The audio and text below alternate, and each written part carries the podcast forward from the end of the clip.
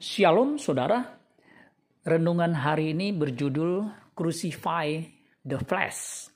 Galatia 5 ayat 24. Barang siapa menjadi milik Kristus Yesus, ia telah menyalipkan daging dengan segala hawa nafsu dan keinginannya. Menyalipkan keinginan daging adalah proses yang sukar, bahkan nyaris mustahil setiap manusia punya keinginan daging yang sudah melekat sejak lahir. Apalagi keinginan itu sudah distimulus sekian tahun. Maka mustahil untuk dibunuh tanda kutip.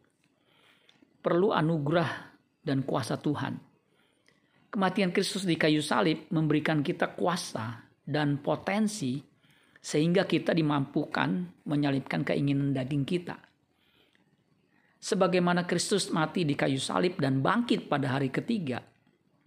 Dan pada waktu ia bangkit, ia mengenakan tubuh kemuliaan. Tubuh yang lebih berkuasa atau lebih powerful daripada tubuhnya sebelum ia disalibkan. Demikian juga dengan kita yang sudah menyalibkan tubuh daging dengan segala keinginannya, kita akan lebih powerful untuk melakukan kehendak Allah dibandingkan sebelum kita menyalipkan keinginan daging kita.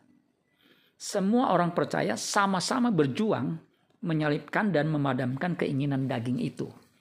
Amin buat firman Tuhan. Tuhan Yesus memberkati. Sola Gracia.